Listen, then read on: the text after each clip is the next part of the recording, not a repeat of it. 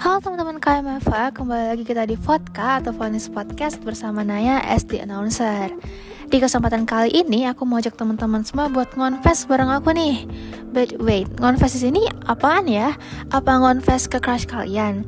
No, it's a big no teman-teman. Ngonfest di sini adalah ngobrolin feminisme selaku perayaan Hari Kartini 2022 nih teman-teman. Oke, mungkin kita bakal mulai dari yang ringan-ringan dulu nih teman-teman. Kira-kira teman-teman yang lagi dengerin pernah nggak denger ungkapan perempuan ngapain sih sekolah tinggi-tinggi toh ujung-ujungnya bakal ke dapur juga. Terus juga perempuan itu cuma sumur, kasur, dapur, urusin aja urusan domestik. Nah, mungkin ungkapan-ungkapan yang menyakitkan tadi sering banget kita dengar di dalam masyarakat atau mungkin dari kalangan keluarga dan kerabat kita sendiri. Nah, di sini aku pengen bahas kenapa sih ungkapan-ungkapan seperti ini bisa muncul dan juga gimana gerakan feminisme bisa memberantas hal-hal seperti ini. Oke, okay, first of all, aku bakal ngajak teman-teman yang lagi dengerin untuk bedah kata feminisme itu sendiri. Feminisme berasal dari bahasa Latin yang berarti femina, yang berarti perempuan. Kata tersebut diadopsi dan digunakan oleh berbagai bahasa di dunia. Dalam bahasa Prancis, kata femme digunakan untuk menyebut perempuan. Nah, sekarang kita move nih ke istilah feminitas dan maskulinitas. Istilah feminitas dan maskulinitas harus dibedakan dalam makna sosial psikologis dan juga dalam makna biologis. Karena dalam makna sosial psikologis dengan makna biologis ini memiliki pengertian yang berbeda teman-teman. Dalam pengertian biologis, perempuan itu disebut sebagai female dan laki-laki disebut sebagai male. Nah, dalam istilah ini, istilah feminisme terasa lebih dekat dengan feminin, sehingga tidak jarang feminisme sering kali diartikan sebagai sebuah gerakan sosial bagi kaum feminin.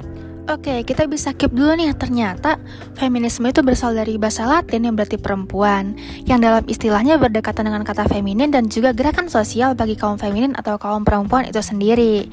Sedangkan secara istilah, feminisme ini merupakan gerakan yang menuntut adanya kesetaraan dan keadilan gender di antara perempuan dan juga laki-laki. Selanjutnya, gimana sih pendapat ahli mengenai feminisme itu sendiri? Nah, menurut pandangan Najibah dan Katimah Saidah dalam bukunya yang berjudul Revisi Politik Perempuan, menyebutkan bahwa feminisme adalah suatu kesadaran akan penindasan dan eksploitasi terhadap perempuan yang terjadi baik di dalam keluarga, tempat kerja, maupun di masyarakat, serta adanya tindakan sadar akan laki-laki maupun perempuan untuk mengubah keadaan tersebut secara leksikal.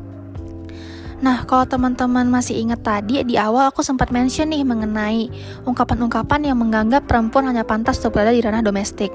Nah, hal-hal seperti ini sebenarnya nggak terjadi di Indonesia aja teman-teman, tapi subordinasi perempuan juga terjadi di negara lain dan mungkin situasi yang terjadi di setiap negara itu berbeda-beda. Namun hal yang diperjuangkan tetap sama yaitu kesetaraan perempuan dan juga kesetaraan gender.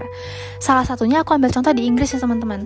Tepat pada tahun gerakan feminisme bermula sebagai sebuah gerakan politik yang mana kesadaran tentang feminisme ini muncul pertama kali pada tahun 1792 di Inggris.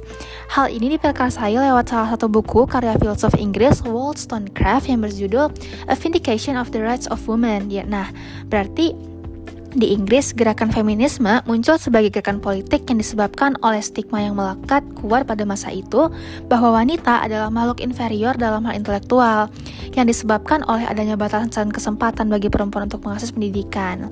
Dalam tulisannya, Wollstonecraft menyebutkan bahwa sebenarnya perempuan dapat melakukan banyak hal selayaknya kaum pria apabila memiliki kesempatan dan pendidikan yang memadai. Sebenarnya, kalau kita highlight perkataan perempuan yang dianggap rendah atau inferior karena intelektualnya atau karena rasionalnya yang lebih rendah, sebenarnya ini adalah salah besar teman-teman karena perempuan laki-laki itu memiliki kemampuan intelektual yang sama apabila diberikan kesempatan yang sama untuk mengakses pendidikan, pekerjaan, dan kemampuan lainnya. Sekarang kita move ke Indonesia nih teman-teman. Di Indonesia sendiri, konsepsi feminisme itu udah pernah ada belum ya? Nah, apabila kita melihat sisi historis, lebih tepatnya pada zaman kolonial Belanda, di sekitar lebih kurang tahun 1879 sampai 1904, feminisme telah dipelopori oleh R.A. Kartini, yang mana situasi ini muncul ketika Kartini merasa mengalami ketidakadilan dengan saudara laki-lakinya yang harus bersekolah di negeri Belanda, sedangkan dirinya harus dipingit. Kemudian, R.A. Kartini juga merasa geli dengan adanya poligami. Hal ini pula yang mendorong R.A. Kartini untuk membuka sekolah bagi kaum perempuan, yang kemudian dilanjutkan oleh Dewi Sartika.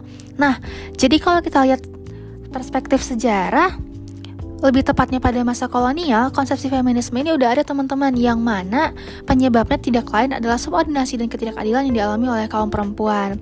Selain kedua tokoh ini, masih banyak nih tokoh-tokoh wanita dan gerakan-gerakan lain yang mempelopori dan menggerakkan konsepsi feminisme dengan cara yang berbeda-beda di masing-masing eranya. Oke, okay, karena kita udah banyak banget nih bahas mengenai feminisme, kira-kira apa ya urgensi feminisme di Indonesia itu sendiri? As we know, isu kekerasan berbasis gender masih marak terjadi di Indonesia itu sendiri yang mana hal ini tentunya berkaitan dengan perihal kesetaraan dan hak asasi manusia. Dalam hal ini, Feminisme diperlukan untuk mencapai kesetaraan dan kedudukan yang sama dengan kaum laki-laki. Selanjutnya, meninjau kondisi di Indonesia yang lekat dengan budaya patriarki, Misalnya, dalam garis keluarga, banyak hal yang harus didasarkan pada persetujuan laki-laki. Padahal, niscayanya perempuan memiliki peranan yang sama besar dengan laki-laki. Konsepsi patriarki sendiri memang sangat lekat dengan budaya Indonesia yang tidak jarang konsepsi ini sangat merugikan dan membawa dampak negatif bagi perempuan dan juga dianggap berkoalisi dengan sistem kapitalisme yang dapat merugikan siapa pun. Yang terakhir, feminisme ini tentunya sangat berguna dalam mencapai kesetaraan dan kesetaraan, kesempatan pendidikan, pekerjaan, dan hal sosial lainnya antara laki-laki dan perempuan sehingga tidak terjadi ketimpangan. Oke, secara keseluruhan, feminisme ini bukan gerakan yang meminta atau memperjuangkan kedudukan perempuan berada di atas laki-laki, melainkan paham yang menghendaki adanya kesetaraan antara perempuan dan laki-laki dalam ruang sosial, publik, politik, sehingga mendapatkan kesempatan yang sama nih teman-teman. Perlu diperhatikan nih pemahaman mengenai feminisme supaya nggak keliru. Anyway, semoga apa yang aku paparin hari ini bisa menjadi insight baru bagi teman-teman semua. Sebelum mengakhiri podcast kita pada hari ini, aku mau ada pantun sedikit nih buat teman-teman.